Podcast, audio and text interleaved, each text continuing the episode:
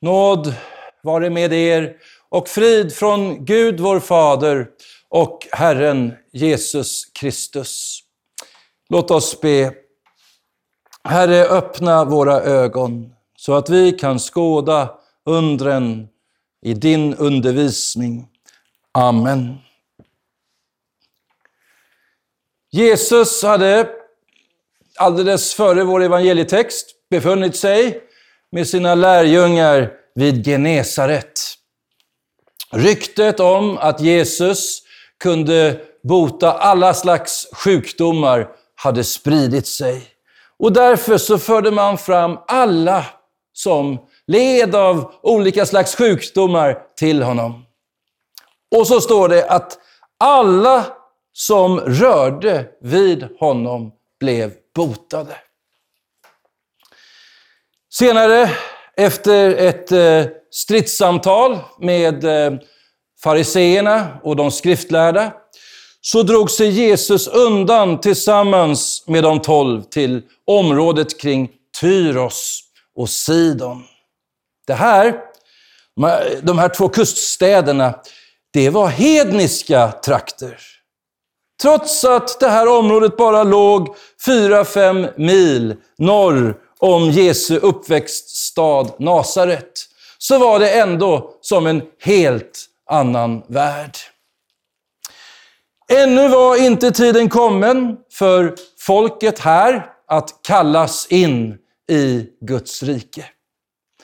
Ännu hade inte Jesus lidit och dött och gjort de två människogrupperna, hedningar och judar, till ett. Och ännu hade Jesus inte befallt sina lärjungar att gå ut i hela världen för att göra alla folk till lärjungar. Ännu var det så att judarna var Guds särskilda egendomsfolk. Det var inte ofta som Jesus lämnade judarnas land. Men det här var ett sådant tillfälle. Troligtvis var det för att dra sig undan en stund för välbehövlig vila tillsammans med sina lärjungar. I eh, parallellstället i Markus så står det i alla fall att Jesus ville hemlighålla sin vistelse här kring Tyros och Sidon. Men även i det här området norr om Galileen så hade ryktet spridits om Jesus och hans undergörande förmåga.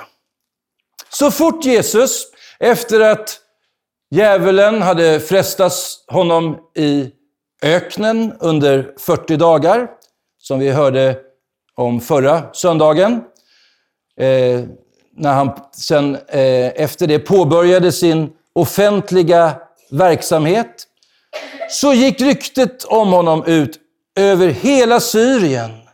Och man kom till honom med alla som led av olika sjukdomar och plågor, besatta, månadssjuka och lama. Och han botade dem. En utav de åkommor som Jesus hade gjort sig känd för att kunna rå på, det var att bota de som hade blivit besatta utav onda andar, eller demoner som de också kallas.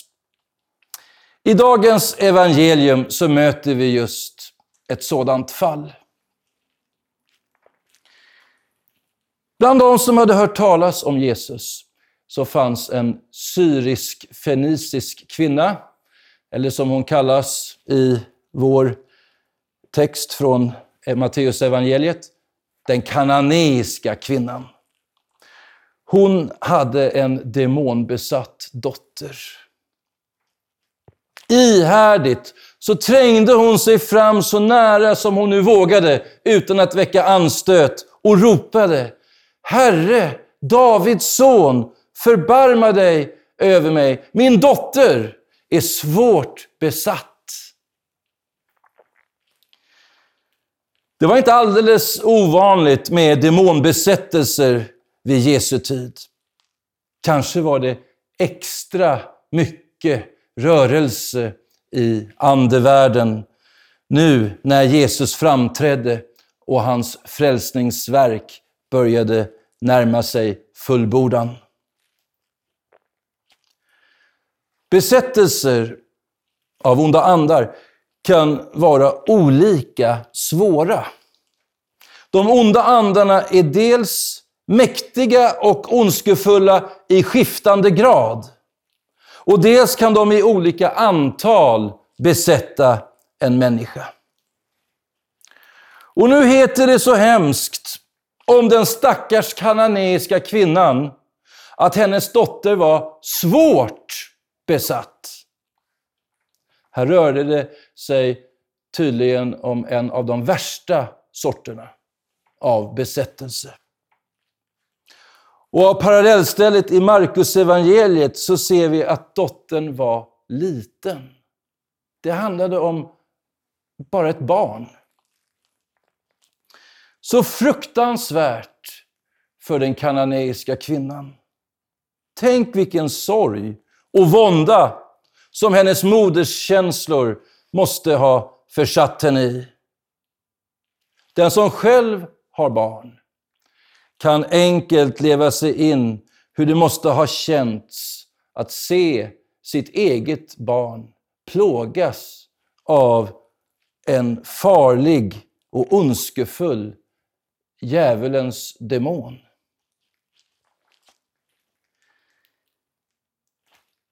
Det märkliga var nu att Jesus inte genast hjälpte kvinnan med hennes dotter. Vad kan det ha berott på?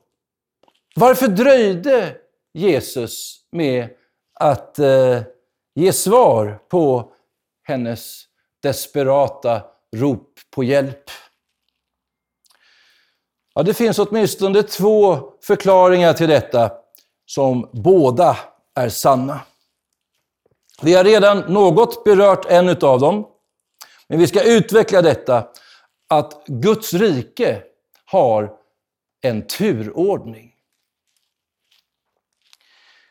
I Guds frälsningsekonomi, hans hushållning med det frälsande evangeliet, så har judarna en särställning. Det var Guds mening att evangeliet först skulle predikas för egendomsfolket. Evangeliet, säger ju Paulus i de berömda verserna från eh, eh, Romarbrevet 1, 16 och 17.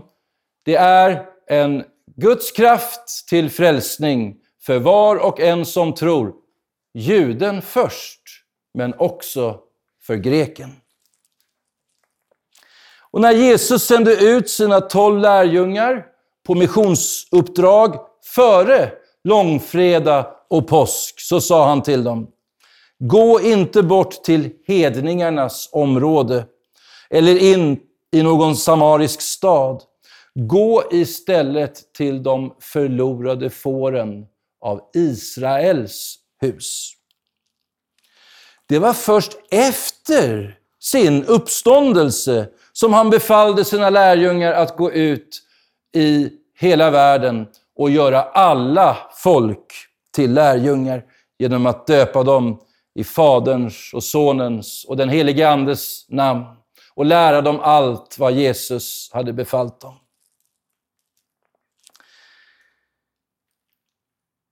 Det är mot bakgrund av detta förhållande Jesus till sist, efter att först bemött den kananeiska kvinnan med tystnad, svarade henne jag är inte sänd till andra än de förlorade fåren av Israels hus. Och när hon inte gav sig utan fortsatte att be, Herre hjälp mig, så svarade Jesus henne, det är inte rätt att ta brödet från barnen och kasta det åt hundarna. Barnen, det är ju judarna och hundarna är hedningarna. Brödet, det är Jesus själv och alla hans välgärningar. Ännu var alltså inte tiden kommen då Jesus, det bröd som har kommit ned från himmelen för att ge världen liv, skulle räckas och delas ut åt alla folkslag, stammar, länder och språk. Men därmed så har vi ännu inte sett till alla förklaringar till Jesu agerande. Att Jesus kände sig bunden vid Guds frälsningsplan är inte heller en i sig tillräcklig förklaring. Undantag från ordningen hade ju gjorts tidigare. Skökan Rahab i Jeriko och moabitiskan Rut, för att bara nämna två exempel, var ju båda av hednisk härkomst, men kunde ändå inlemmas i Guds folk. Ja, faktum är att båda dessa kvinnor finns ju med i stamtavlan för vår frälsare. Om nu ett och annat undantag redan tidigare hade kunnat göras från den allmänna regeln om judarnas exklusiva rätt till frälsningslöftena, så kunde ju Jesus göra det också nu. Vi får därför tänka att Jesus hade ett särskilt syfte med att först avvisa den kananeiska kvinnan. Och detta syfte, som alltså är den andra av de anledningar som jag eh, vill lyfta fram här till varför han dröjde med att hjälpa, det var att den här kvinnan skulle prövas. Och därmed så är vi framme vid temat för den här söndagen, den kämpande tron. Den här förtvivlade kvinnan, hon hade en rätt tro. Det första vi ska lägga märke till, det är ju att hon bad Jesus om förbarmande. Herre, Davids son, förbarma dig över mig, ropade hon. Alltså, hon kom inte och åberopade någon egen förtjänst. Allt hon hoppades på, det var Jesu förbarmande. Det andra vi ska lägga märke till, det är att hon dessutom trodde att Jesus var den utlovade Messias. Davids son kallade ju hon honom. Och vad som låg i hennes tilltal, Herre, ja det är svårt att veta. Låg där kanske till och med en bekännelse till Herren, den enda sanne guden? Det är svårt att avgöra, men jag kommer återkomma något kring detta. Den första prövningen som hon möter, det är Jesu tystnad. Han svarade henne inte med ett ord, läser vi. Denna prövning, alltså utebliven bönhörelse, det har alla kristna erfarenheter av. Vi vill så gärna ha ögonblicklig, eller åtminstone snar, bönhörelse.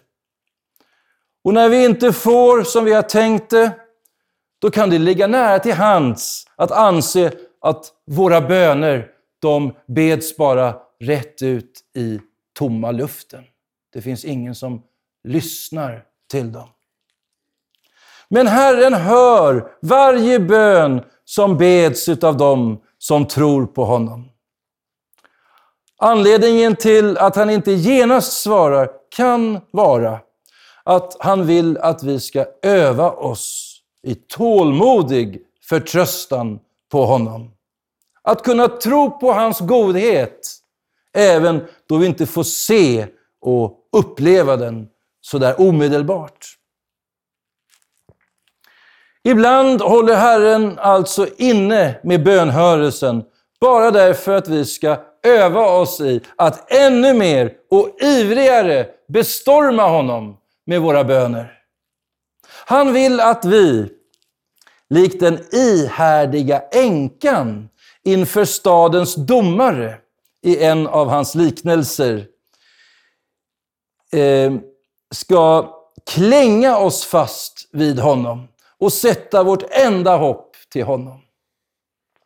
Änkan, hon fick ju till slut rätt hos domaren, som varken fruktade Gud eller hade respekt för människor.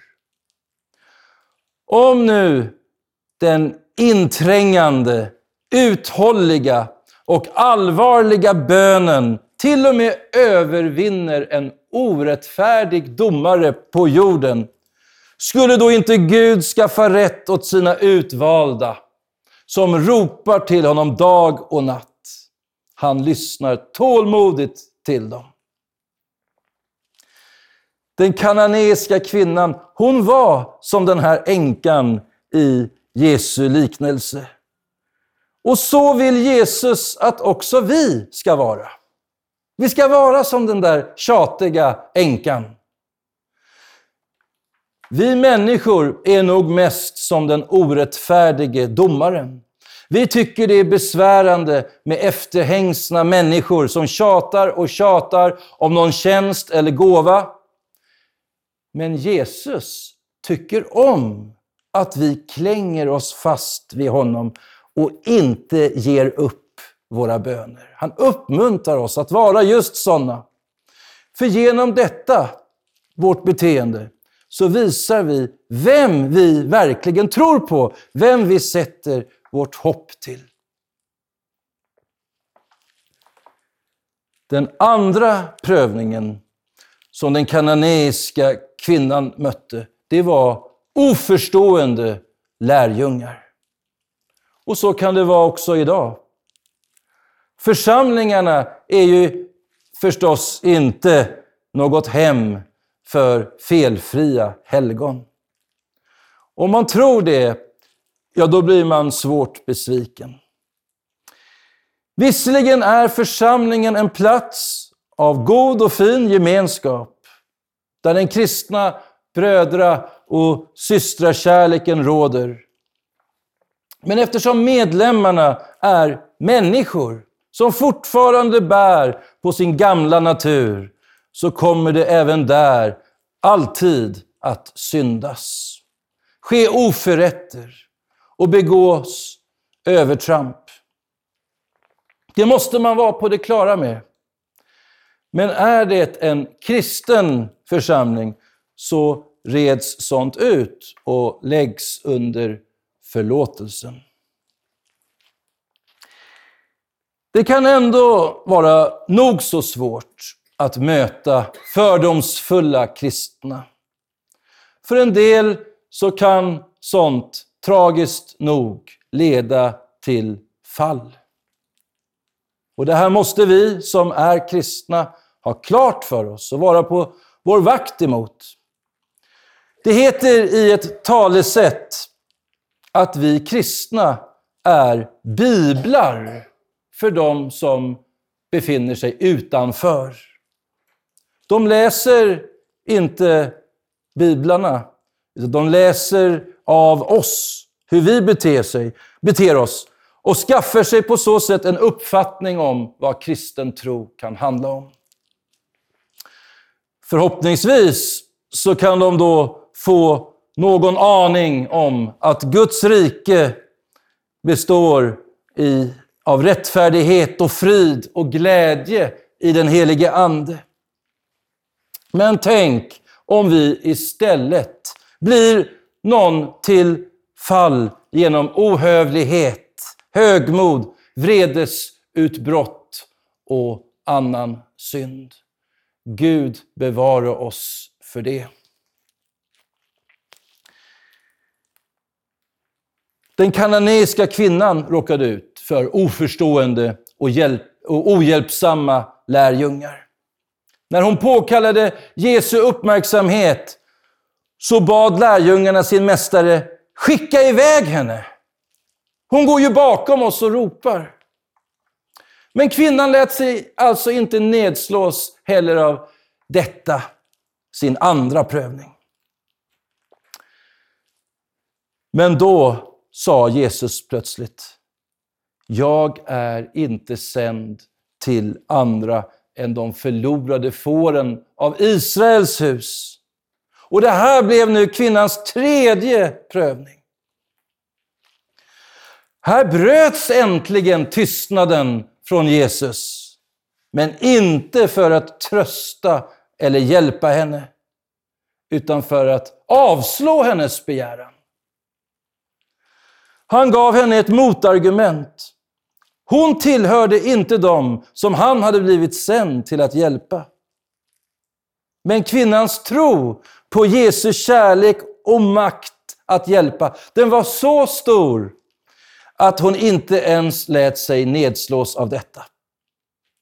Istället för att tvivla på Jesus så verkar det som att hon istället ifrågasatte sig själv. Istället för att anklaga Jesus för kärlekslöshet och ohjälpsamhet så verkar hon ha misstänkt sig själv och ansett att felet legat hos henne. Hon tänkte nog att hon i sin första begäran inte varit tillräckligt ödmjuk och vördnadsfull inför Jesus. Och nu föll hon därför ner på marken framför honom och bad honom om hjälp ännu en gång. Och det grekiska verb som uttrycker att hon föll ner framför Jesus, det kan faktiskt också översättas som att hon tillbad honom. Ja, så översätter faktiskt, eh, eh, Eh, eh, så står det i Karl XIIs översättning, att hon tillbad Herren. Och i så fall, då skulle hennes ord Herre, hjälp mig, vara uttryck för att hon förstod att Jesus inte bara var Messias, Davids son, utan också Herren, den ende sanne guden. Det är ju bara han som får tillbedjas. Kvinnan ville hur som helst inte argumentera med Jesus angående hans uppdrag, som han sa bara gällde de förlorade fåren av Israels hus.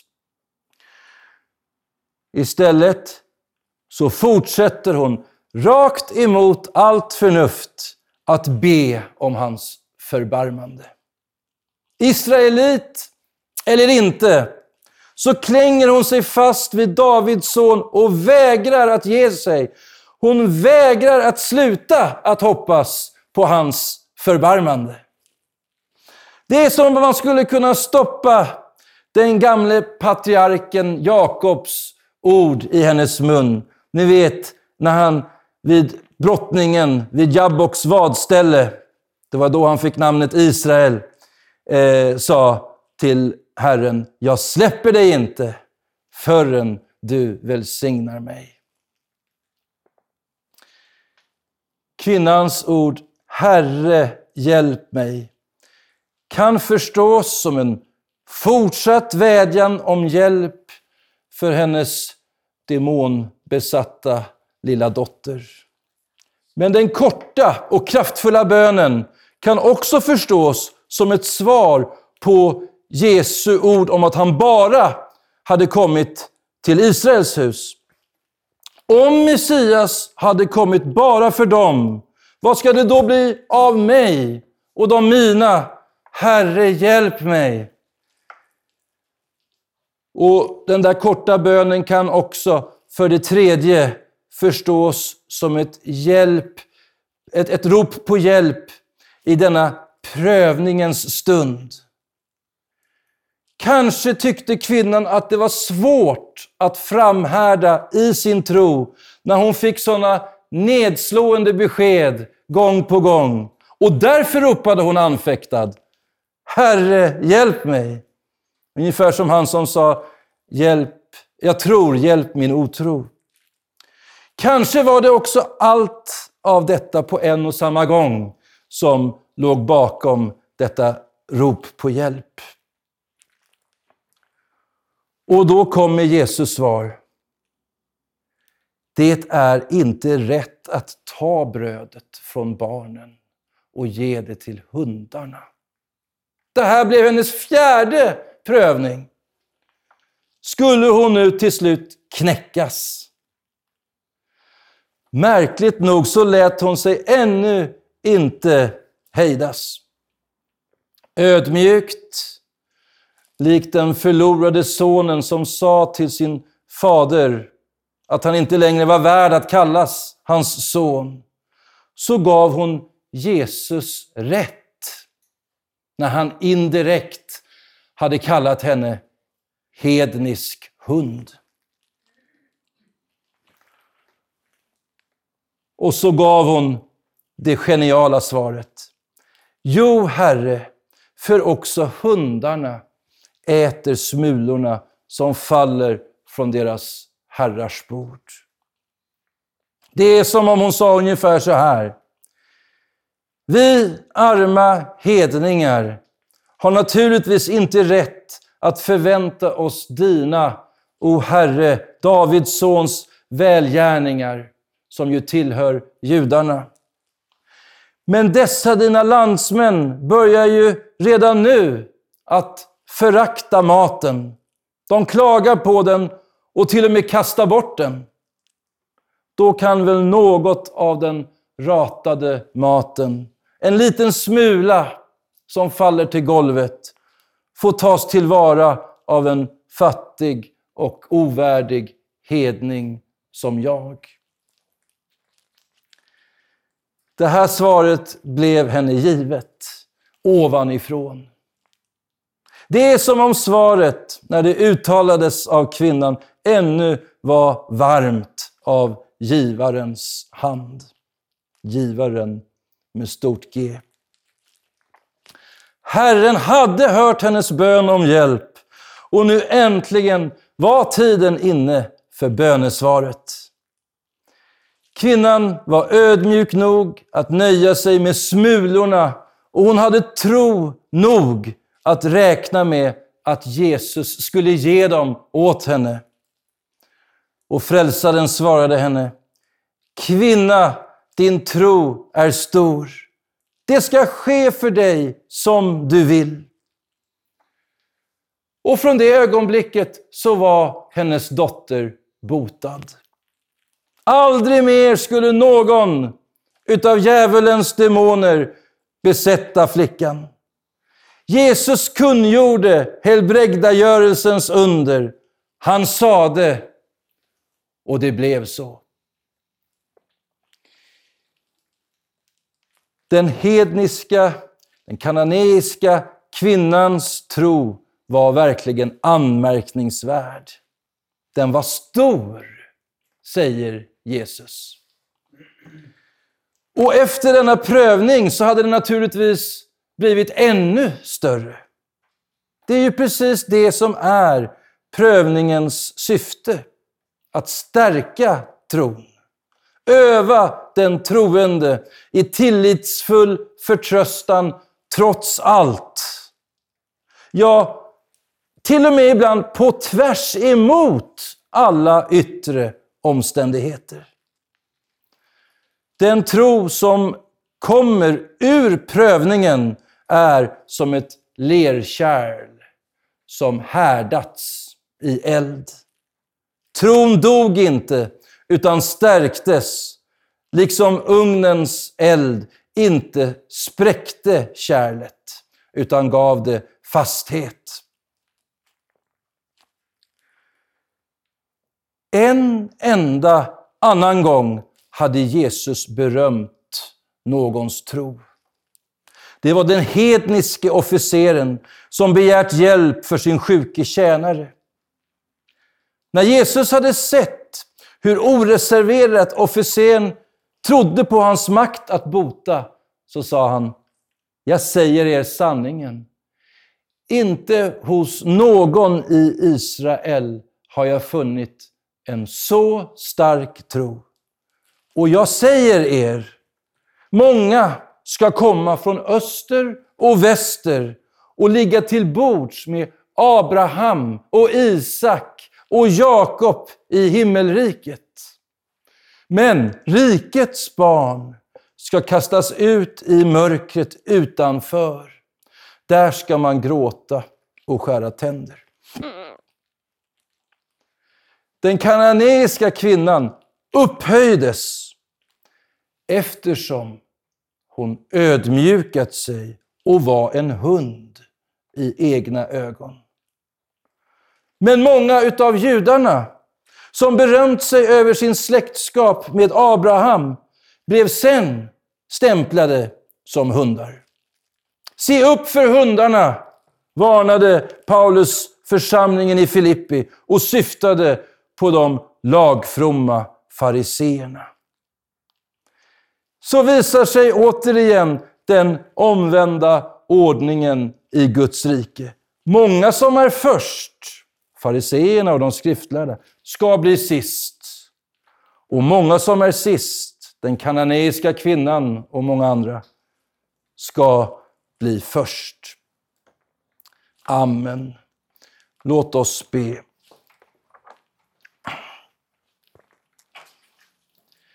Herre Gud, himmelske Fader, vi ber dig.